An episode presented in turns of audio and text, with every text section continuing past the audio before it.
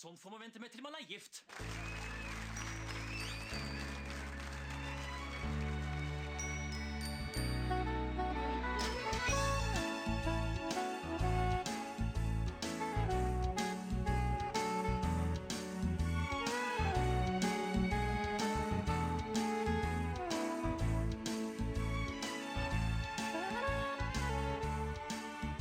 Hallo, velkommen til en ny episode av Norsk film filmpodkast, hvor vi ser norsk film med et kritisk, men kjærlig blikk. Jeg heter Emil, jeg sitter her som alltid med. Stefan heter jeg. Og dagens film er uh, ditt valg, eh, Stefan, så kanskje du også skal få lov til å introdusere den? Ja, Uh, Pål Slettaune har regissert denne filmen. Uh, en av de store norske regissørene. Og eh, en av våre favoritter spiller hovedrollen i filmen. Jeg snakker selvfølgelig om Robert Skjærstad. Og da kan jo alle Hei, ungdommer som sitter der ute og venter på spent på denne filmen. For Endelig det- kom det en episode for dere. Endelig! Denne ungdommelige filmen som ungdommen elsker og på en måte har eh, elsket hele livet. Jeg snakker selvfølgelig om 'Budbringeren' fra 1998. 97 var jeg notert 97? ned. Ja, 97. Jeg var litt usikker på om det var 1997 eller 1998. Per, hvilket løp er det, Per? Per, hvilket løp er det? Det er ikke hester, dette her. Det er postkasse. Sveigårds gate 31. Khalid Khalid, Nils Gunnar Våten, Birger Våten, Sigrid Våten, Hans Lie, Gong Li, Ang Li, Mette Ruud Johansen, Vebjørn Myhr, Per Eirik Rørby, Sushi Maktari. Alle navnene etter to uker. Hæ? Hva sier du, Roy? Vitsen med ja. Han husker alle navnene, ikke sant. Hva skal han med det? Hva skal han med hva? Hva skal med det? Skjønner du ikke hva han skal med det? Nei.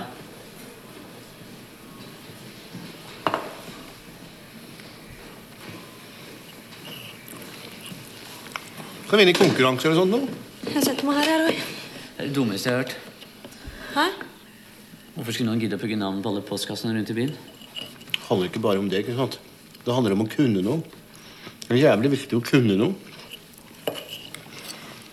Hva du kan for noe, Roy?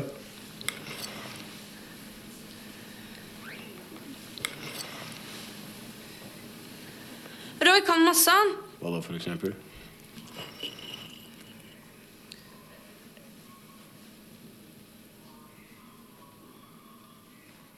Han øh, Han er jævlig flink til å gå.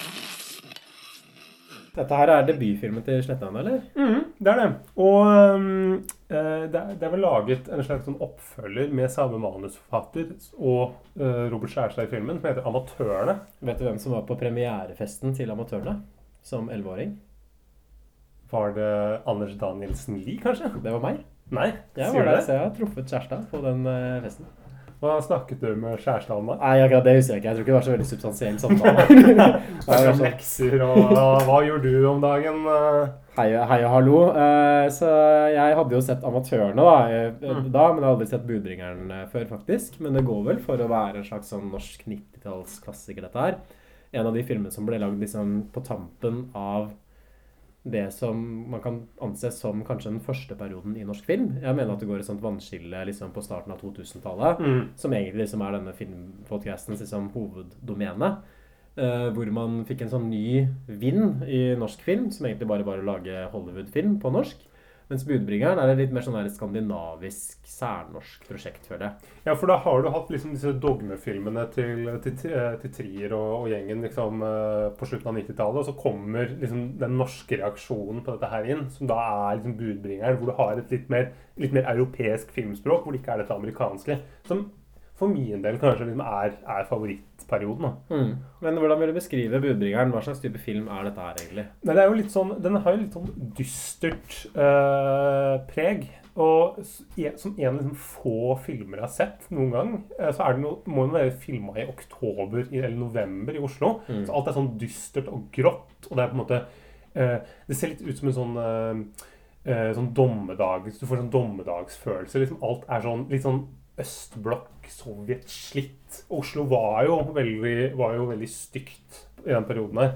Det, jo, det er, går jo sånne anekdoter om at eh, amerikanske sånne B-filmer som skulle, liksom, skulle foregå i Russland, de ble jo spilt inn i Oslo, for det var så stygt der i 80-åra. Og det er, jo, det er jo helt reelt. Ja. Så, og det ser du jo i den filmen her. Det er på en måte sånne slitte leiegårder med liksom grå som liksom bare renner ned av veggene, og ødelagte dører og forfall og liksom sånne høl mellom gårdene liksom, hvor det bare er parkeringsplass og grus og sånn. Det er en veldig sånn nitrisk stemning. Ja. Jeg synes det minna litt sånn der om Oslo-portrettet som man får i Elling-filmen også, faktisk. For den er noe Ja, av det samme. lite. Liksom den der sosialdemokratiske misæren, liksom. At alt er litt sånn falleferdig og grått og skittent. Og den er jo tross alt skutt på, på Majorstua.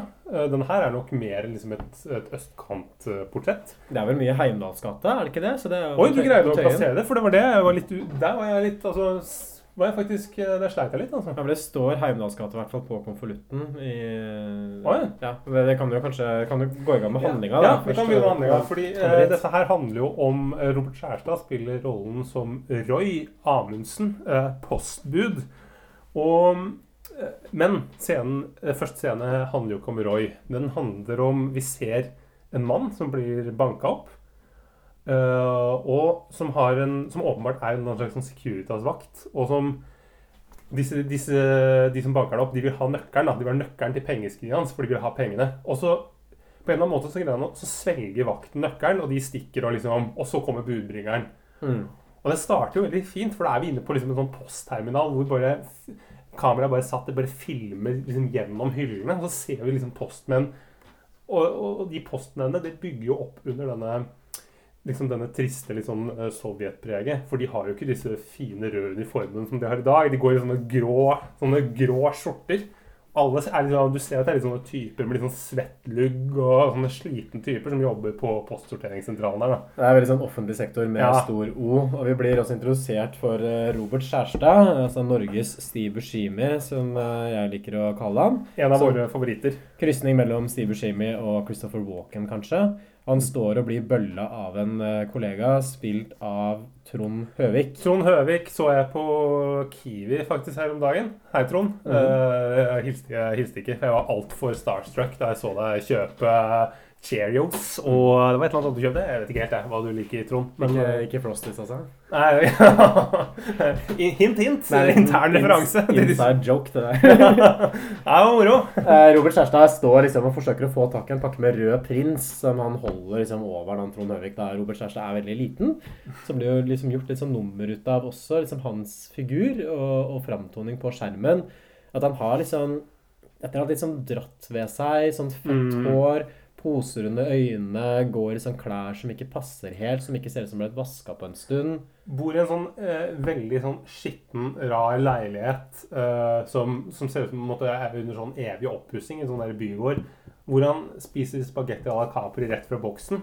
Og åpner boksen med en brødkniv, så han har ikke engang boksåpner, Selv om han spiser så mye boksemat da, som den filmen her gir inntrykk av. Mm. Det er litt rart. Spagetti alle Capri er jo også en rett som du sverger til, eh, Stefan. Ja, ja, ja, hva, er det, hva er det med Caprien? Hva, hva er, for, for yngre lyttere som kanskje ikke kjenner så godt til spagetti alle Capri, har ikke inntrykk av at det blir så veldig mye spist kanskje blant ungdom i dag. Jeg tror det er ungdommens rett. Det er det fremdeles. Ja, ja, det tror jeg. Men la, Jeg skrev en gang- jeg, jeg har aldri spist det, så kan ikke du prøve å beskrive liksom, hva slags type mat er dette her? Eh, det, er en, eh, det er en eh, italiensk eh, spagettirett med eh, bilde Det er en boks med bilde av en kokk på forsiden. Han heter Gino. Han er spagettikokk. Og det er da eh, capripølser og caprikjøttboller i en eh, veldig sånn blodrød tomatsaus med pasta som er kokt sånn skikkelig sånn al dente, sånn som italienerne liker den Ja, aller best. eller ikke, kanskje? eller? kanskje litt mer sånn mushy. Men hva, hva Ja, er capripølser og caprikjøtt? Hva, hva, skal til for at du skal kalle en kjøttbolle for capri? Eh, Det er pølser med Det er, det er noe av det beste kjøttet som er puttet oppi der. Det er såkalt mukk. Mekanisk utbenet kyllingkjøtt. Mm. Uh, Som er lagt i Og det er jo, det gir jo en veldig fin konsistens. At du, du trenger faktisk ikke tenner for å spise spagetti à la Capri. For det er så myke og fine kjøttboller. Og de Mm. pølsene skulle jeg gjerne ønske at du hadde Altså Tips da til uh, Riber og Sønn, som lager dette her. Hei, Riber. Uh, så kan du ta og gi ut Gjør sånn som Peppes. Ta liksom, Legg disse her i en liten sånn bøtte, og så, sånn at du kan kjøpe bare Capri-pølsene løst. Og så bruke de i matlaging. Det hadde jeg satt veldig stor pris på. Du kan få det som en sånn kit. så Du får liksom caprikjøttboller her, capripølser der, og så den jernkokte spagettien og den der blodrøde tomatsausen. Åh, det har vært fantastisk. Så kan man lage det sjøl, ja. Det, da snakker vi. Ja, det hadde vært deilig. Og Robert Kjærstad er eh, postbud, og han blir også bølla med av en kunde i oppgangen i Heimdalsgata. da. Det er sånn jeg liksom så at det var Heimdalsgata, for det er den adressen som står på konvolutten. Uh, Carlsen heter han, og Kjærstad ender opp med å stjele dette brevet i stedet for å gi det til uh, Carlsen. da. Han tar seg hjem. Carlsen, er veldig, for Carlsen kommer ned i Slåbrok og vil ha, spørre om det har kommet post til ham. Så Robert, uh, eller Roy, skjønner jo at her er det noe spennende som skal komme.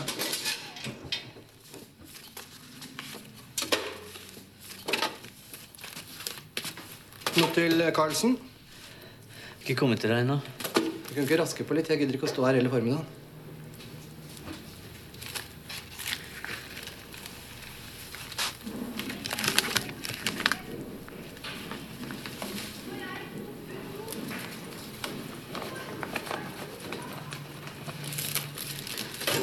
Ikke noe. Er du sikker? Er du sikker? Tror du jeg ljuger, eller? Han er jo litt sånn der slapp og umoralsk type, altså han eh, Roy. At man ser han også at han driver og pælmer det som postmateriale nede ved et sånt jernbanespor. et sånt sånt der. høl i veggen, Som han ikke gidder å levere, bare. Så han bare kaster det inn der. Eh, Vi blir også introdusert for eh, kollegiale på dette postkontoret. Vi har en kollega spilt av Trond Fausa, f.eks. Vi har en annen kollega spilt av Henriette Stenstrup, som også har utrolig fett hår. Og så får man kanskje inntrykk av at Henriette Stenstrup har en eller annen sånn type crush på Roy, eller Robert Kjærstad sin karakter, men som han ikke gjengjelder. Det har vært åpna. Hva mener du? Men se her, da. Ser ikke ut som du åpna det. Se her, da. Det er jo faen meg klissa med. Jeg skulle gidde å gjøre noe sånt, da. Du, se på dette her, da. Har ikke dette vært åpna? Du, se på disse flekkene. Du, se her. Se. Poststempla for, for fire dager siden. Og det skulle liksom ikke vært åpna. Klag, da. Fy faen, jeg skal klage. Det går klag, det lønner seg å klage med en gang. Gjett om jeg skal klage. Du tror ikke jeg tør å klage, du. Fy faen, jeg skal klage. Ja, for Roy er jo en litt sånn der lowlife-type, som man skjønner liksom har blitt postbud. Det er kanskje ikke liksom hans førstevalg som yrke. Får jo kanskje inntrykk av at han har jobba der en del år allerede. Sånn kanskje at han har jobba der en sånn fem, seks, sju, åtte år. Eh, trives ikke så veldig godt i jobben, men har ikke så veldig mange andre framtidsutsikter heller. Så han er liksom stuck da, i denne posisjonen. Og det også kanskje forklarer litt det at han tar såpass mye sjanser, at han liksom begynner å ta snarveier. Og egentlig driver med en del sånne halvskurkete ting, som f.eks. å stjele dette brevet. Og det er sånn viktig også sånn oppsett for den karakteren, for det er også det som legger opp til at han blir vikla inn i den historien som filmen egentlig Ja, handler om. fordi vi skjønner av måten han åpner det her brevet på, at han prøver å ta det under kokende vann, og så søler han, bruker han à la Capri-kniven til å liksom åpne åpne på. At han, han har ikke gjort dette før. Det er første gang han prøver å åpne et brev. Men eh, min, en av den beste, beste scenen i filmen kommer jo selvfølgelig tidlig, som i all norsk film. Og det er jo når, eh, når de snakker om dette her at uh, det er viktig å kunne noe. Og så spør uh, Trond Høvik hva er det du kan da, Roy? Og så kommer jo Henriette Stenstrup inn og på en måte prøver å redde Roy. Og sier sånn Roy kan masse, han. Han Han er jævlig god til å gå. alle bare bryter ut i latter, og han Roy bare ser ned. Måtte skjønne at det var ikke, var ikke den redningsmannen Det gjorde det bare enda verre. Nei, men han er en sånn der nitrist, sånn sosialdemokratisk everyman, Ja. som er en sånn karakter som kanskje har forsvunnet litt ut av norsk film, men som jeg føler var veldig sånn der dominerende før. Fleksnes også er jo en variant av den karakteren, føler jeg.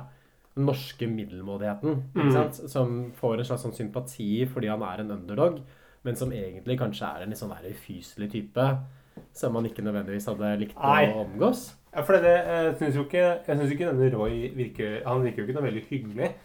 For det kommer jo til eh, nå etter hvert, fordi han Uh, Han leverer jo tilbake brevet til denne fyren og det som han har smuglest. Selvfølgelig så var det noen sånne BDSM-bilder oppi der av han uh, fyren i Slåbrok. Mhm. Som Roy koste seg med og flirte litt av. Uh, og så er det ei dame som glemmer igjen nøklene sine i postkassen. Og istedenfor at Roy da tenker at jeg skal gi disse tilbake til henne, så tar han dem selv og låser seg inn i leiligheten hennes. For å ta en kikk, ja. Eh, Bare det- se, Han er nysgjerrig. Han smaker på liksom gammelt, gammelt te som står rundt, og ser inn i skapene. Ser liksom inn i medisinskapet og lukter på ting. Og det er en nysgjerrig type. Litt, litt creepy, egentlig. Han er vel en sånn derre voyeur, en kikker, rett og slett. Voyeur, ja. ja eh, som ja, liksom liker å for oss som liksom ikke har eh, sånn franskkunnskapen i orden. Jeg har vent meg til det etter å ha drevet med podkasten her, så har jeg liksom skjønt at Stefan skal alltid liksom be meg å definere begreper, så nå kommer han rett og slett til forkjøpet og Jeg definerer folkets, før han rekker å eh, spørre. Et folkets apostel, folkets gutt, som Du er- liker å få ting forklart. Du har denne podkastens Roy, kan man si, som mannen i gata. Og hun karakteren som glemmer igjen nøkkelen i postkassa si, som han går inn i leiligheten til, er spilt av Andrine Sæter. Karakteren heter Line. Og litt tidligere i filmen så har jo også Roy fatta interesse for henne, for han er på en slags sånn der bruktbutikk, sånn der Ja! tegneseriehandel. Og da ser han heter det, Ja. Emil. og da, og da ser han at, eh, at eh, Line tar og stjeler et medisinsk leksikon. Og da kommer det også fram at hun jobber på renseri. Og etter han er inne i den leiligheten, så tar han kopi av nøkkelen. eh, med åpenbart sånn intensjon om å gå tilbake igjen. Og man aner jo også som seer at hun Line er liksom vikla opp i et eller annet plott. For hun Mm. blir oppringt av en type som heter Georg, som bedyrer liksom over telefonsvareren om at de var sammen om dette her. ikke sant? Så dette er noe vi er inne på begge to. Nå kan ikke du trekke deg. Så det er et eller annet som har skjedd da, med en venninne, som kanskje han Roy enser sånn halvveis. Men jeg tror vel egentlig det som han er interessert med henne, er vel det at hun er en litt sånn attraktiv kvinne, tror jeg. Som han Han blir jo framstilt som en sånn nokså sånn seksuelt frustrert type. Mm. Så det er jo kanskje primært det som trekker han til henne i utgangspunktet. Jeg vil skjønne at han er interessert. Han finner jo også et visittkort der som det står uh, Georg på, som han tar med seg. Mm. Og finner også, han finner også et bilde av hun eh, Line. Line. Line, som han tar med og eh, legger i lommeboka si. Mm. Eh, neste som skjer, er at Roy blir angrepet og rana av noen narkomane med litt sånn luguber oppgang. Er det oppgangen der hvor han bor, eller er det liksom sånn er litt han, tilfeldig han leverer post, for det, Mm. der er det skikkelig skittent. Han har jo med den postveska si. ja. Og, um, eh, og, og disse narkomanene de høres litt ut som han derre Jarle, den der karakteren i Åpen post. Det er på en måte sånn parodi du, kan, du kan kanskje imitere ja, nå, nå legger du mye press på meg. Kan du prøve? Du er så god. Gi meg, gi meg postveska deres, da. Gi meg postveska di, hvis ikke så slår jeg til deg. Og så har jeg liksom en sånn her planke med en spiker i som driver og truer han med. Da igjen så er det Jeg, jeg satt og spiste da jeg så den filmen der, og det kom jeg fram til av feilgrep. Jeg synes at, at filmen er rett og slett jævlig ekkel og nasty. At Spagetti alle la Caprien, den der eh, ja, også det er liksom også den der kniven som man åpner en spagetti à la Capri-boksen. Den er ikke engang rein. Mm. Nei. Ikke sant? Så Det er sånn der masse sånn gammelt sånn fett og skitt på den, så man stapper ned den der Capri-boksen, og så sitter du liksom og spiser det rett fra hermetikken. Sånn der, på veggene så er det sånn der gammel, sånn halvråtten tapet. Og det er liksom sånn lag med liksom sånn Shit og ja, skitt og nikotin, og liksom og, og i den oppgangen også så ligger det bare sånn søppel og greier og møkk og lort og piss bare slengt rundt overalt. Det er litt sånn Døden på Oslo S-aktig. Ja, men kanskje, kanskje enda mer, og det tror jeg er litt sånn et tema for Pål Slettaune også. fordi samme som gritty stemningen har man jo i Amatørene, og også i Naboer, den skrekkfilmserien Ja. med Kristoffer Joner. Der også er det noen jævlig sånn skitne og rotete leiligheter. Så det er kanskje litt sånn eh, regissørkjennetegn for ham. Han er interessert i søpla. i Det er også kjennetegn for manusforfatteren, uten at jeg helt husker hva han heter. Jonny Hallberg. Eh, Jonny Alberg. Han, er- han er på en måte kjent for det. Han har gitt ut noen sånne bøker og sånn innafor eh, For han er litt sånn opptatt av det litt sånn dommedagsgreiene. Mm. Gi oss veska di.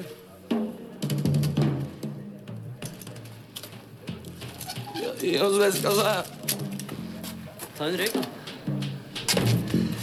Ta veska på den, da. Slipp. Ta veska på den. Det er ikke bil, da! Ah, Slipp! Skulle du ikke ha veska, da?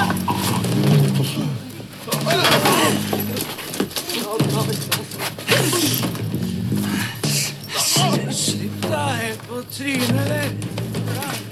Skulle dere ikke ha veska? Ta en drit i veska!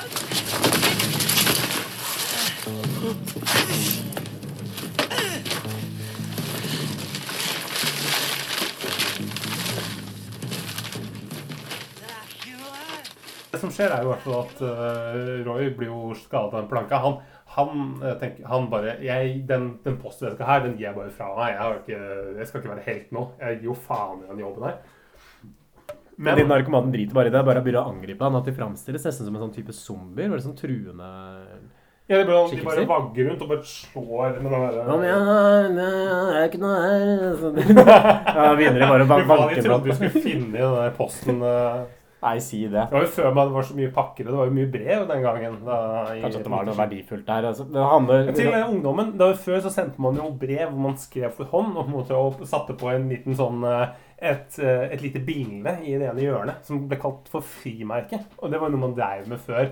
Før man hadde e-mail og e-post og Short Snapchat. messaging service og disse nymotens forkortelsene som vi har noe her. Ja, sånn vi kan måte bare Vi, kan, eh, vi har drøssevis av dem. Vi kan laste toget fullt, sånn at det bare kan kjøre av gårde inn i den virtuelle verden. Men det har vi ikke tid til nå, fordi vi driver tross alt en Norges eneste filmpodkast.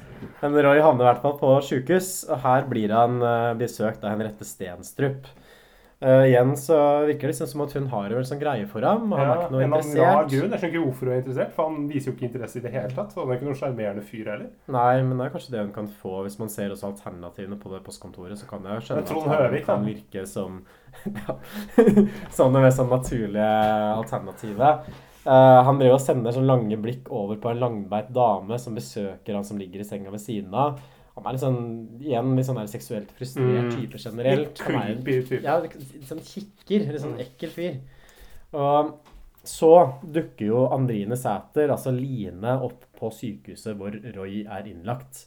At det er litt sånn som med Stefan og meg, at eh, før vi lagde den podcasten her, det var sånn som Stefan og jeg ble kjent, at Stefan bare begynte å dukke opp hele tiden. Hvis jeg var på sykehus, så gikk plutselig Stefan og tassa rundt i gangene der. Der så han liksom drive og stjele bøker på antikvariat. Plutselig så skal jeg liksom være en oppgang, og så kom Stefan gående ned trappa. Var det hele nøkken. tiden? Mm. det er sånn man blir kjent, da. Ja, man skjønner at det er et sånn skjebnefellesskap her, at dette her er liksom meant to be, da, at de skal liksom vikles inn i hverandre. Og hun har vært og besøkt han som vi så på starten av filmen, han som svelga den nøkkelen. Og da etablerer jo liksom denne koblingen mellom de to. Jeg syns det er litt sånn overraskende hvor god tid sånn Sletthaugene tar seg i anslaget på filmen. Mm. Selv om filmen er veldig kort. Den varer jo bare sånn 75 minutter til sammen. Og det er veldig mye sånn oppbygging og brikker som legges på plass, og ganske også sånn treig pacing også, syns jeg, på filmen. Lite dialog. Eh, for så vidt også sånn bra filmatisk håndverk. At den har noe veldig sånn gjenkjennelig sånn skandinavisk over seg i stilen. Men det er litt traust. og det er litt sånn det, Jeg syns jo det er det nærmeste du kommer en sånn norsk Roy Andersson, for de som kjenner ham. Jeg tenkte litt på sånn Aki Karismaki også. han Ja, finske- enig. Men det er jo liksom det er samme gata. Det er dette litt sånn trauste, lite dialog, stille, grått og på en måte Og litt sånne, litt sånne typer. Folk som ser litt sånn rare ut. og mye sånn At på en måte kameraet bare er sånn flue på veggen og bare observerer. Ja. Fine bilder. Det, Eh, det, det er veldig sånn typisk også for Roy Anderssons filmer at det er veldig sånn rare liksom, innslag. At man får liksom inntrykk av at dette er et sånn menn. merkelig univers. ikke sant? Mm. Og det er mange folk som liksom holder på med sitt. Litt sånn som en kvinne i mitt liv også, egentlig. At de har liksom, sånn er kvinner i mitt sånn liv, at du har derre eh, Roy Andersson-film. ja, Eller sånn skitten versjon av Kvinne i mitt liv, kan man si. Lite glossy versjon av den. Men her kommer jo også en av de fine scenene, fordi at eh, Roy han får jo en belønning. Som i det offentlige så får du jo ikke noe penger. I det offentlige så får du en sånn kjip gullklokke fra liksom eh, noen sånne, inn, sånne menn med inkontinens. Som, står som tydeligvis er sjefer, da, for det er jo sånn i det offentlige. At uh, eh, sjefene i liksom, Postverket, de, det er liksom noe i veien med dem. da. Og, um, og der er det inngravert sånn uh, Postverket takker deg. Mm. Og så tar de et sånt eh, bilde. Den, den scenen er jo veldig Roy Anderssonsk. Selv om det er 30 sekunder eller noe sånt. Så er det, det er jo noe det du husker i filmen. Ja, for det er jo en sånn der slags sånn representasjon av det sosialdemokratiet og offentlig sektor også, som Mm. også framstår som litt sånn østblokkaktig. Man får ikke inntrykk av at dette her er en sånn spesielt sånn effektivt byråkrati fylt av go-gettere og folk som hele tiden forsøker å komme med bedre løsninger og forbedre liksom, kundeopplevelsen. Nei, det er noen som bare har blitt sjef litt sånn tilfeldig, sånn som, eh, sånn som det var sikkert eh, da. Ja, og blikket kanskje er at her er jobbsikkerheten litt vel høy. ikke sant? Så det er folk som på en måte gir opp å forsøke, og så bare tar snarveier. Og og... så har de på en måte på mø morgenmøtet sitt eh, liksom over wienerbrødene funnet ut at oi, det er faktisk en som han holdt fast i vestkabel slått ned, gitt. Vi må, vi må gi ham en påskjønnelse for det her. Og ironien i det er jo at Roy fortjener jo egentlig ikke den klokka, Ja, ja. for han ville jo gi fra seg den, den postveska, men det var jo det at de narkisene ikke tok det med seg, og så han kunne på en måte framstå som at han hadde liksom vokta denne posten med livet sitt, da. Det er litt sånn som uh, inspektør Jack Frost i uh, de britiske krimseriene, som får George Cross, selv om han egentlig ikke fortjener det, selv om han bare ble slått ned av en liksom, uteligger. Eller som, eh, Som Martin Beck i liksom de svenske krimseriene. Vi, måte, vi kan lesse på med folk som måte har fått utmerkelser de på en måte selv mener at de ikke fortjener. Mm. Uh, I alle fall det, så, eller, ja, Donald Draper i Mad Men. Ikke sant? Det er, mye Som har utmerkelser han ikke fortjener. ja, så Det er det som er med Don Draper og Mad Men. Han får alltid masse priser som han ikke fortjener. Nei, men det var Det er det som er ideen med den serien der, er det ikke? Det? Det neste som skjer i plottet, er at Roy låser seg inn i leiligheten til Line på nytt, og så sovner han i senga hennes. Og så skjer at hun kommer jo selvfølgelig hjem igjen til denne leiligheten mens han er der. Og her får man en veldig lang sekvens. Jeg tror det er vel sånn syv-åtte minutter til sammen. Og nesten ikke noe dialog. Og så gitt igjen at filmen er ganske kort, så er det nesten en sånn en tiendedel av filmen som brukes på den scenen Han der. bare ligger under senga Han ser at hun kler av seg. Kikker han? Mm. Han liksom, det er en sånn dra dramatisk sekvens der hvor han også mister en, eh, en klokke i gulvet og lager lyd, så hun kommer inn for å sjekke. Han klarer akkurat å komme seg under senga.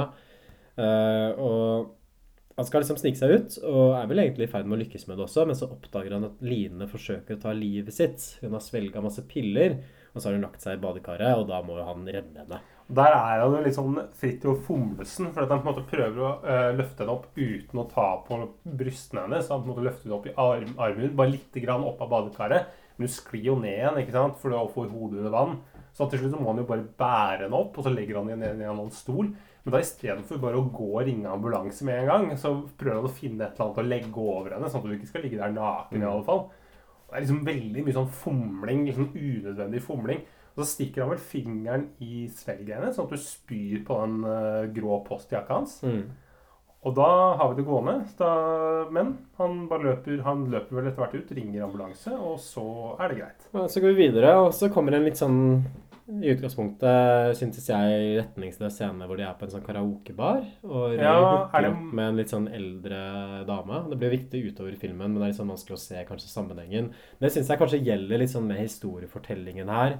At det er veldig mye som framstår som ganske umotivert og litt sånn tilfeldig. Mm. Man skjønner jo på en måte at det er masse sånn brikker som settes opp for liksom at sluttpartiet i filmen skal kunne settes i gang. For det man, veldig, eh, man er veldig nøye på det at man forklarer jo alt. Det er jo ingenting som på en måte er som er Alt blir jo, alt blir jo forklart fra på en måte at Det er ikke noen sånne løse tråder du sitter igjen med. Hvorfor gjorde han sånn? Nei, det, det, det, gir jo mening, det, det gir jo mening til sist. Mm, Men, men, men der og da- når man ser det, så er det vanskelig å se sånn der forbindelsen mellom de ulike hendelsene som kommer. Og så er det jo kanskje så blir jo hvor spennende man er, man synes det er, det avhenger jo kanskje litt av om man er så, i hvor stor grad man er på en måte grepet av denne mystikken da, som Mm. filmen forsøker å etablere.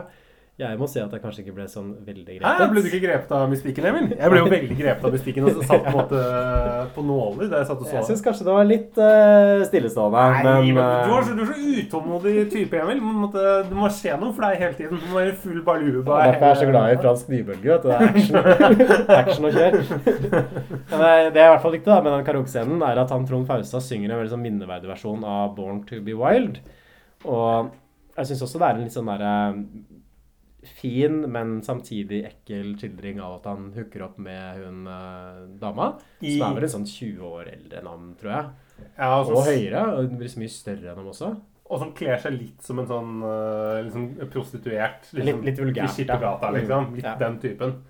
Og, hun, og så skal liksom dramme, med, dama hjem, da, ikke sant? De sitter i taxien, og så kjører han først til det stedet han bor, og da har ikke hun lyst til å bli med han inn i leiligheten, for det ser liksom så lugubert ut, som jeg for så vidt skjønner godt. Det ville ikke jeg blitt min heller. Mm. Overraskende god dømmekraft, i og med at hun har liksom allerede holdt på å kaste opp flere ganger, og sitter og bøtter nedpå med whisky i taxien. Men Roy tar i hvert fall tar henne med til Lines leilighet, da, som er litt finere, som tross alt ligger liksom i Heimdals gate på Grønland. Og hva skjer så? Eh, nei, da, da blir det jo liksom et uh, det, det må jo gå sånn som det må gå. At eh, han, han er interessert, de prøver seg. Men så kommer det et turning point her, fordi hun tar på seg Lines slåbrok. Og da blir Roy helt sånn vill og gal og prøver å dra av henne den der. Og det finner jo ikke hun seg i det hele tatt, så hun banker jo ham med håndveska si. Litt sånn parodi på liksom sånn kvinneslagsmål. Ja. Og nå, men hvorfor tror du han reagerer så fælt på det? For han reagerer ikke først. Men det er sånn For først så tar han på badekåpa, så er liksom han litt ned på det.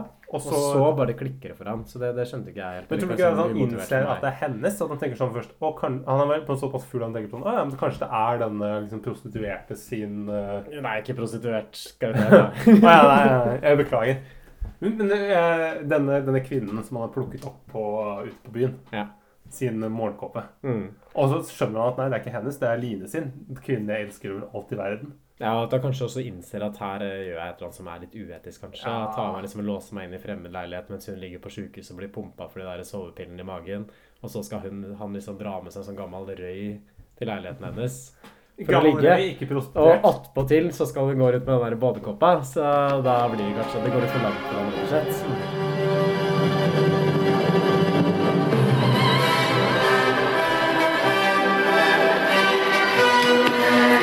Driver med? Det er midt på natta, altså. Du tror jeg er det hele huset, jeg. Så dere ikke bråke så jævlig for det, vel? Bråker ikke jeg. Men det som er poenget med scenen, i hvert fall, er at hun drar liksom ut noen greier av skapet. Deriblant en sånn svart plastpose hvor det ligger masse penger i. Ja. Og da skjønner vi jo at um, her er det um, Ja, Roy, han tar, ta, Han tar vel bare de pengene, gjør han ikke det? Eller lar han dem ligge? Han lar det ligge, ja. Han lar dem ligge, ja. Han bare legger dem tilbake igjen. Mm. Og, ja, vi, vi begynner jo å ane konturene her at det kanskje har skjedd noe liksom, kriminelt mellom Georg og denne Line. Ja, men det har man jo egentlig skjønt ganske lenge. Men man begynner jo Det her er i hvert fall på en måte pengene på bordet, da, ikke sant? så man kommer jo litt nærmere en slags sånn forståelse av den bakenforstående handlingen. Hva de egentlig har gjort, det finner man vel aldri ut av i filmen, egentlig. Nei, Akkurat hva det, den forbrytelsen deres har gått ut på. men jeg skjønner ikke heller hvorfor hun der Line Hvorfor skulle være med på en sånn forbrytelse. Det virker som at det går helt greit på renseriet der, og på en måte det går jo rundt. Hvorfor, hvor kjenner denne Georg fra? Det får vi heller aldri vite. Nei, men det er jo liksom Som i ganske mye sånn norsk film, så er det ofte en sånn historie som ligger før filmen egentlig har starta. Mm. Og så handler liksom filmen egentlig om å bare nøster opp i den bakenforliggende historien. Det som er spesielt med Budbringeren, er jo kanskje at man lærer såpass lite om hva den bakenforliggende historien er. At det er en veldig sånn nåtidsfilm. At det bare går liksom fra handlingspoeng til handlingspoeng Det er de handlingspoeng. 30 sekundene i begynnelsen hvor de slår ned en fyr som svelger nøklene. Og det er jo Ja. åpenbart en eller annen vakt, og han har penger, da. Og det har jo sikkert rana han vakten. Men hva de har gjort før det, eller for å rane ham, er det bare en eller annen fyr som på en måte har tømt en minibank? da, som de på en måte bare... Men hvordan har de planlagt det? Hvordan vet de at han skal tømme akkurat den minibanken? Eller Ja, Det at det er en Securitas-vakt involvert, det tyder kanskje på at det er en sånn inside job av en eller annen ja. Georg kanskje jobber høyt oppe i Securitas eller Falk eller eh, PCM eller hva det heter. Ja, ikke vet jeg, så vi burde kanskje hatt Pål Sletthaune med oss nå i studio for å forklare litt sånn underfundighetene i Budbringerplottet. Det har du dessverre ikke. Ja, Pål, eh, neste gang eh, når vi skal snakke om amatørene, så vil vi gjerne at du skal være med. Så Mm. bare søk på Norges eneste filmpodkast, så finner du oss nok. Og det som skjer videre, er at Roy oppsøker renseriet der Line jobber. Så fram til nå i filmen så har jo egentlig de aldri hatt noe sånn direkte kontakt. De har vært i samme rom da Roy var i leiligheten hennes mens hun kom hjem. Men nå gjør Roy et framstøt. Mm. Og de går på kafé. Ja. Eh, eller eh, rett og slett Roy For du glemmer der. Roy går på Fordi han eh, har jo fått spy på jakka si fra hun der Line. Og han vet jo det at Line hun spiser jo bare Frostis, denne frokostblandingen denne tigeren på. For det står inni skapet der. Så han hun spør jo da ja, hun skal jo rense, Han går jo på renseriet, og hun spør liksom ja, hva, hva er dette sølet? Det er mye lettere å få det vekk hvis jeg vet hva det er. Han sier ja, Frostis. Jeg spiser bare Frostis. Og hun bare ja, Er det noen som Er det folk som gjør det? Ja, jeg gjør det, da. Så er det litt sånn keitete dialog. Sånn eh, Det er liksom ikke Det er ikke Romeo og Julie her som står her. Er ganske god Robert Kjærstad-parodi du har der, altså. Ah, takk. Det kan du kanskje begynne å hyre deg inn som sånn lookalike. Det er sånne lookalike-tjenester. Så Robert Kjærstad kommer og kaster glans på din uh, bursdagsfest. Jeg måtte en hørt at jeg er god på to, to og det er Robert Kjærstad og Kåre Willoch. Så har jeg to er i porteføljen. da kan du gjøre sånn scene antrekkskifte, kanskje. At du tar på en parykk for å spille Robert Kjærstad først, og så kan du ta den av igjen for å spille Bare få litt sånn uh, gusten hud. Bare litt sånn flassende hud. Men uh, uansett så er det De er i hvert fall- inne på, um, på her. Og tar, ja, som du sier, tar en kaffe. Nei, men det, nå, nå hopper jeg over. Det, det, det du sa at jeg gjorde i stad. Hopper over for at Roy ja. følger etter Line på T-banen først. Og da Er det det først? Ja, da møter det, det, det, det står det i hvert fall i notatene mine. Ja, ja. Og så møter hun han Georg, sånn skummel type, på T-banen. Siving uh, Georg. ja, som man skjønner da er liksom den andre hovedpartneren i dette komplottet. da. Og, Partner in crime. Ja. Bonnie and Clyde. Eh, Line går, og Røy følger etter Georg, og så låser han inne på et sånt toalett. Offentlig toalett. Eh, men han klarer å fomle noe veldig, så han klarer liksom å få tak i hånda til Roy sånn under liksom, døra på dassavlukket der. Mm. Og så får han liksom tak i den klokka da, som Roy har fått fra Postverket. Og det blir jo også viktig sånn utover i filmen, for det er jo fordi han får den klokka, så kan han finne ut hvor uh, han jobber. Og da klarer han også å spore opp Roy etter hvert. Mens Roy stikker da av med hele ransutbyttet. Ja, Som han- han har levert penger, tilbake ja. igjen Ja. til, eh, til Georg. Mm. Og så er det kaffe. Så er det kaffe, eh, og det er jo på en måte Det er jo verdens kleineste scene. De bare, de bare sitter der. Det er, det er jo mest sånn typisk sånn norsk filmscene i filmen. Ja, mørkt, sånn, litt sånn østeuropeisk lokale med noe sånn tørt kaffebrød som, er, eh, som ser ut som de der trekronersrundstykkene du får på Coop uh, Extra, liksom. Sånn type mat. Og en sånn der tynn sånn uh, Ja, liksom sånn vann med kaffearoma liksom, som de serverer på den triste kantina. Og veldig sånn der awkward dialog, som jeg føler var sånn, det som norske regissører Ja. på den tiden tenkte kanskje at det er det som er realistisk. Sånn derre Skal vi ta en kaffe igjen, eller? Ja. Kan vi treffes en annen, eh, annen vi- gang? Hvorfor skal vi det? ja? Jeg vet ikke. Kunne vært fint, det vel? Ja, kanskje. Hva med i kveld, da? Jeg kan ikke. En annen dag? Ja, kanskje det. Hvorfor det? Nei, det er vel ålreit å treffes, er det ikke det? Liksom, den, Helt sånn med på det, ja. det er sånn, veldig sånn typisk sånn norsk filmdialog da, liksom fra den perioden, syns jeg. Ja, men det, det er det der det, det, er veldig, det er veldig sånn slapt, da, litt sånn der nordisk, at eh, vi er sånn innadvendte typer. Ja. Eh, Og formulerer seg dårlig, så man tenker liksom at man skriver liksom replikker. Tenk så lett som å skrive slik. det. Ja, men det, kan jo være vanskelig også. Eh, Ofte så vil kanskje impulsen til manusforfatteren være å liksom gjøre folk litt smartere enn det de egentlig er. Mm. Og så har man kanskje gått i liksom motsatt retning og gjøre folk enda mer innadvendte og fomlete og keitete enn det folk flest snakker i det virkelige liv. Jeg liker jo det der, at det, men det er jo det at man har brutt med det der, eh, liksom det teatralske som var i norsk film veldig, liksom til og med godt ut på 90-tallet. At man på en måte har eh, brutt med det, og på en måte prøver heller å gjøre det helt motsatt. At man på en måte prøver å være så naturlig at det blir unaturlig. For det er, nesten ingen, det er nesten ingen som snakker sånn. Nei, det blir sånn overnaturlig Ja, ikke overnaturlig, men Men det er jo de, alle de som har slått gjennom i den perioden, er jo de som har vært som du sier, overnaturlig. Ja. Det har blitt, det har blitt for langt. Ble overfalt på jobben. Det var tre stykker som prøvde å rappe postveska mi. Hvorfor ga du den ikke fra deg? Det prøvde jeg. Men jeg hang fast. Hvor skjedde det da? Jeg svimte av. Havna i koma. I koma? Det var helt Helt ålreit. Helt stille. Du lå i koma, så våkna du igjen? Ja, jeg er helt fin nå, altså. Det viser seg altså i den scenen her at eh, Line kan lese lepper.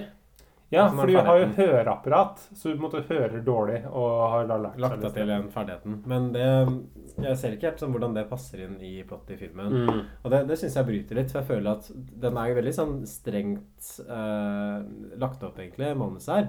For at alt som skjer, har på en måte en eller annen sånn betydning for handlingen sånn i lange løp. Mm. Og jeg tenkte kanskje det der med leppelesningen ville være riktig, for at det er liksom kanskje grunnen til at hun var med på det ranet eller forbrytelsen, eller et eller annet sånn. Mm. Men Ja, du kan lese leppe liksom når han uh, sa det hemmelige passordet for å komme inn i hvelvet, Ja, f.eks. et eller annet sånn, altså, men det, det blir jo liksom aldri tatt opp igjen sånn utover i filmen. Så det er kanskje mer en sånn karakterbyggende tall. Jeg vet ikke. hva Det er jo kanskje for å gjøre det litt sånn spesielle, kanskje. Ja. Jeg vet ikke. Mm. Jeg, jeg, jeg, jeg er helt enig. Jeg skjønte, ikke, jeg skjønte ikke den motivasjonen heller. Men det er kanskje for å gjøre en litt sånn girl next door. Litt sånn Nå begynner vi i hvert fall å liksom dra oss inn mot klimaks i filmen. Jeg synes jo generelt at det er en sånn rar balanse i den filmen der. Mm. For det er veldig mye oppsett, og så kommer klimakset ganske kjapt. Så det er på en måte ikke noe sånn mellomparti, føler jeg, hvor liksom plottet utvikler seg. Det er mer det at man sånn setter opp alle brikkene, og så kommer liksom sluttspillet, og så sluttspillet er ferdig ganske kjapt, da. Fordi Roy kommer hjem, og da viser det seg at han har blitt spora opp til eh, Georg, altså den gærne partneren til eh, Line. For det er noen som synger øh, Postman Pat i gangen hans. Mm.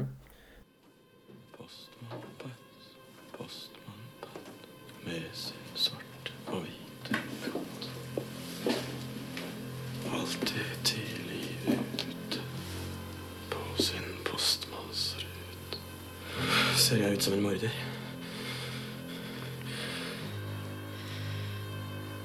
Vet ikke. Hva er det du ikke veit? Veit vel ikke hvor penga er heller, da? Det er ikke noe penger her.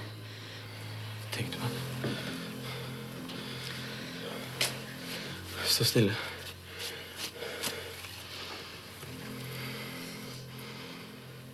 Fint med en liten kjæreste. Ganske sånn ekkel scene, egentlig, syns jeg. Så den, den jeg var effektiv. Eh, han tror at liksom Roy har penga, så klarer liksom Roy å komme seg unna etter litt sånn der om og venn. Og det er sånn greie at de er liksom ute på sånn der eh, Stillas, stillas ja. Bygningsstillas. Og selv da så var eh, alle håndverkere i Oslo fra Øst-Europa. Mm. For da står det en fyr inne og borer inni der. Og så greier han å liksom åpne vinduet da, rett i fjeset på en Ja, det står liksom en eh, sånn russer i helsetrøye og borer et gulv liksom innafor vinduet. Det, er- det, Det det, er ganske sånn trykkluftsbor i en sånn der bygård med tregulv. Men Hvor skal du bore nedi det gulvet? Det er kanskje litt den der Roy Andersson-greia. Ja. Som at man liksom smetter inn disse liksom idiosynkratiske detaljene hele tiden. Liksom sånne rare karakterer. At det er liksom mye sånn derre liksom merkelige greier Mm. som man lagt inn, har lagt inn i, i historien. Um, jeg syns kanskje at det ble litt sånn mye av det sånn totalt sett i filmen. At noen sånne små detaljer, sånn som Trond Faustad for eksempel, at han er så rar, og sånne kollegaene liksom, Ja. og sånne nykker og sånne merkelige typer. At det fungerer liksom i sånn glimtvis, men det blir såpass mye at jeg føler at det blir sånn påtatt da, for filmen Men- som helhet. For noen ganger syns jeg det går litt over i at det blir en sånn litt sånn slapstick Benny Hill eller sånn Donald Duck-humor over det. At det på en måte blir Uh, at, det blir for, at det blir dratt ut. Litt sånn som i, i Lillehammer, hvor de på en måte får en eller annen Eller en eller annen serie hvor de får en sånn der grevling som driver og fiser inn i bilen. At det, måte, det, uh, det blir for crazy. da, At de drar, det, de drar det for langt. Og det er jo en av de scenene som vi kommer til nå etterpå, er jo at ehm, uh, nå er jo uh, Nå kommer jo hun uh, Hva var det, hva var det du kalte hun? Line. Ja, Line. Line. Line blir banket opp av Georg, og Georg tror jo at Roy og hun har noe på gang.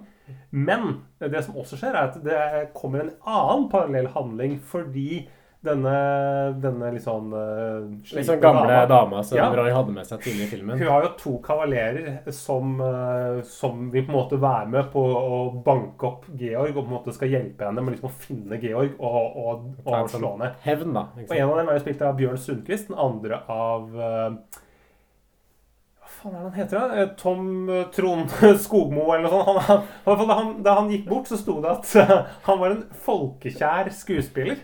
Og, på en måte, og jeg, De fleste de vet ikke hvem han her er, men jeg tenker at når du poengterer at han er folkekjær, så er han ikke så veldig folkekjær. Når, han- når til og med du sliter med å huske navnet hans, Stefan, da er han ikke så veldig kjent. er sånn To- Trond Skoglund, Tom, Sko, Tom, Tom Skogmo. Han, hvis dere har sett eh, Til dere ungdom eh, som sitter der ute, så har dere sikkert sett Hotell Cæsar. Og da var det en fyr som jobbet i, i heisen der, som var sånn portier, som hadde sånn høy hatt og sånn lapp foran øyet. Og det er han. Ja, Åge.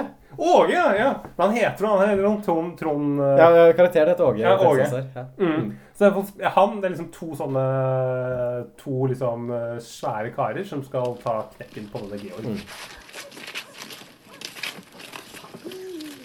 Unnskyld. Unnskyld. Du skulle ha levert en pakke til en som heter Georg Reinarsen. Vet du hvor han bor? Her? Pakke fra hvem, da? Fra broren. Jeg har ikke noen bror. Det er han. Er det han? Ja. Ikke han, ikke faen om det er han. Hvem er Han, Georg. Jeg er Georg. Nei, det er du faen ikke. Faen, det er Georg. Er ikke det Georg? Det står jo der. Du ljuger, du er ikke ja, Georg. Er du Georg, eller er du ikke Georg? Hvis faen er jeg Georg! Da får vi en sånn der, noen sånne morsomme scener. Da. Ja, Man får en sånn liten sånn car chase der, ikke sant? En sånn biljakt, eh, rett og slett. Georg dør, og ja, jeg vet ikke, skal, skal, skal vi gå liksom nøye gjennom den avslutningssekvensen? Det er jo en sånn actionscene, altså en ganske lang actionscene. Og sånn lang harang med disse gutta som, uh, som diskuterer om det er Georg som er Georg, eller om Georg er uh, den, uh, Roy. Fordi Roy har jo Roy ga, da han skulle hooke opp med gamle det, det, det, at vi, Dette er du har etablert, men da Roy skulle hooke opp med hun gamle dama på den puben, så utga han seg for å være Georg. Fordi han skulle liksom dra henne fordi han var sivilingeniør, tror jeg. Det er jo mer sexy enn å være postmann. Og når da de gutta skal prøve å liksom banke opp Roy, så tror de at han egentlig er han Georg, da, ikke sant? Som er han partneren in crime til Line. Og så blir det noen komplikasjoner der. Ah, det blir litt kjedelig å prate med deg. ja, det blir litt kjedelig. Men, Det er så, det så mye! Det er så inn, liksom så Nei, jeg- inn i hverandre. Bare, bare, bare, bare se filmen hvis du, hvis du syns det er vanskelig å henge med. Så bare se filmen sjøl. det, det blir i hvert fall um, en uh, biljaktscene, og så finner liksom Line hva, ut hva Roy har drevet med. At han driver og stalker henne og sånn. Og så er vel filmen egentlig ferdig. Ja. Det er jo, eh, det er jo en sånn avslutningsscene, er en sånn mørk scene hvor de går langs en sånn eh, motorvei. Som jeg syns var fin. Ikke sant? Den likte jeg. Ja. Hvor eh, Roy halter litt sånn etter, henne, etter Line, og hun går med det hø mister høreapparatet sitt. Mm. Og så kommer det en DumDum Boys-låt. Det er 'Morgen i Texas' fra den der eh, Sus-skiva som de ga ut i 96. Mm -hmm. Og så er filmen ferdig. Så er filmen over. Så bare 75 minutter med liksom en sånn derre Litt sånn dystert, men samtidig humoristisk eh, crime-drama fra Norge. Jeg får jo veldig sånn Cohen-brødrene-vibber av den her. Sånn spesielt kanskje sånn film som Fargo og Blood Simple.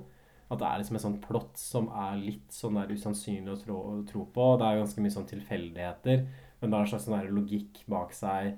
At det virker noe sånn litt sånn skjebnebestemt hvordan ting utvikler seg også. Men som er på en måte regissørens konstruksjon, da kanskje, Mm. som gjør seg gjeldende. Men som at filmen ikke er redd for å liksom påkalle oppmerksomhet til at det er veldig sånn konstruert og litt sånn kunstig handling. Ja, det er et kunstig univers. Vi lever liksom i et, det, er, det er et sånn parallellunivers. Og Uh, jeg vet ikke hva du tenkte, men uh, jeg, det jeg reagerer på med filmen, er jo at jeg synes jo det er et veldig typisk norsk fenomen at første halvdel, eller første tredjedelen på den her, er veldig sterk og morsom. Vi etablerer karakterene. Liksom, det er ganske viktig. Og så bare så taper det seg noe jævlig. Ja, man er kanskje bedre på å etablere et univers enn det å liksom fortelle en historie innenfor det universet, Mm. tror jeg. Og det tror jeg kanskje man sliter veldig mye med i norsk film, og egentlig ganske sånn film og romaner generelt. Husker jeg da jeg var barn, så leste jeg mye bøker, og da husker jeg liksom at jeg Elling, blant annet. Elling-bøkene, blant annet, det leste jeg veldig mange ganger. Og jeg likte alltid liksom de første 50 sidene av en bok. Det er på en måte min favoritt. For det er sånn der universet etableres. Jeg husker jeg tenkte iblant sånn der, jeg kunne ikke bare bli der, så hvorfor må man ha en handling? Hvorfor skal det skje noe? At jeg trives bare så godt liksom, i den introduksjonen av det universet. Og for meg så blir kanskje budbringeren litt sånn mellom to stoler. For jeg syns ikke det fungerer helt som en historie. Og syns ikke det fungerer helt som en sånn universbygging heller.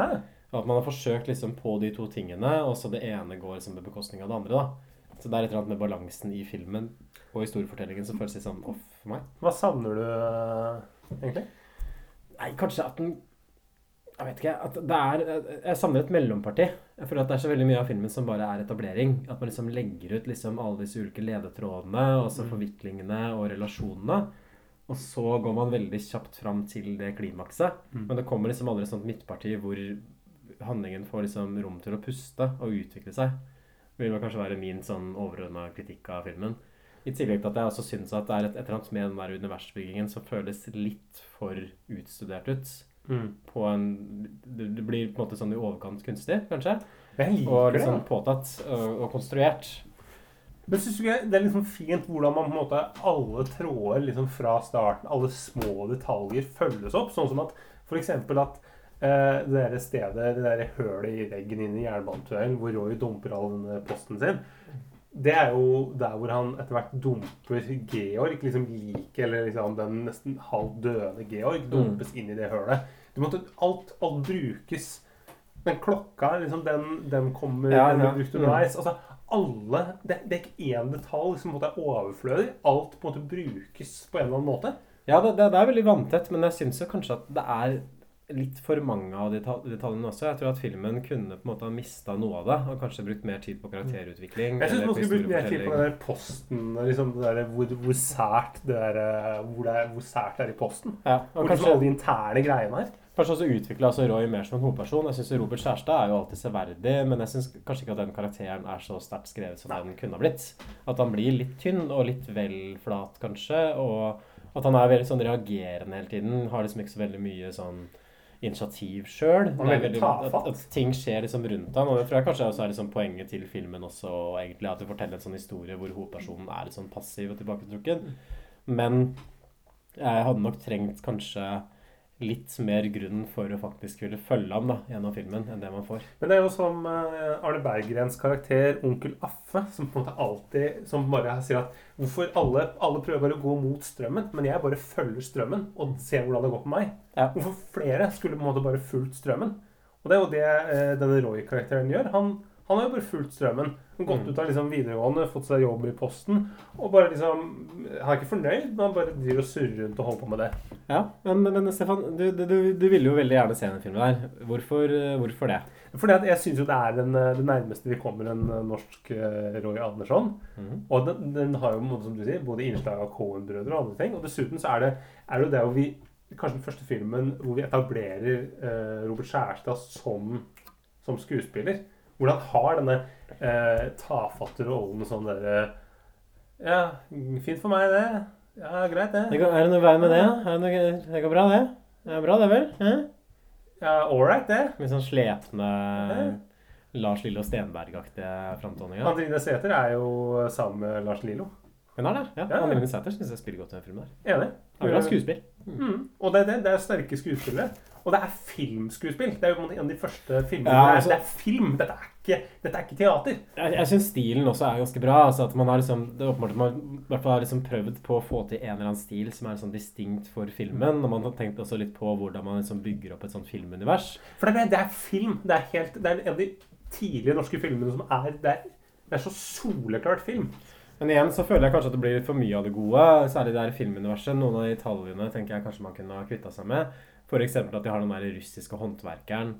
Og jeg synes det er Det syns jeg er et unødvendig element. Ah, ja. At det blir for mye. At på et eller annet tidspunkt så slutter jeg å tro på det. At jeg tenker liksom at her er det noen manusforfattere som har sittet og tenkt at ok, vi må ha et eller annet element i den scenen her. Hva kan vi finne på? Og så kommer man liksom fram til det. At det blir liksom vel konstruert, da. Ja, ehm, jeg er uenig. Jeg syns den jeg liker den. jeg. Den- Han, han, han er jo ikke med så mye. Det er på en måte bare Han sier et eller annet noen gloser på eh, russisk eller polsk eller hva det er, og så slår han vinduet i trynet på Georg for at han lurer på hva som skjer ute på stillaset der. Som jeg tenker er en helt naturlig reaksjon når du står inne og borer i leiligheten der og ser noen sånne gjøker løpe rundt ute på stillaset. Jeg syns kanskje man kan trekke en parallell mellom denne filmen her og en film som diskuterte nylig, nemlig 'Dynasti'. Fordi 'Dynasti' også som du, er en film som er eh, veldig vanntett konstruert. Alt henger liksom sammen. Man er opptatt av liksom å få inn detaljer, bygge et univers. Jeg tror eh, Pål Sløttaune han, eh, han, eh, han vrir seg når han sitter og hører på dette her nå. Han sitter og hører på Norges mest populære filmpodkast. Det, det, er- det, er- synes jeg, det, er, det er stygt sagt. Jeg håper du trekker det tilbake. Det kan, vi må ta det opp på neste styremøte.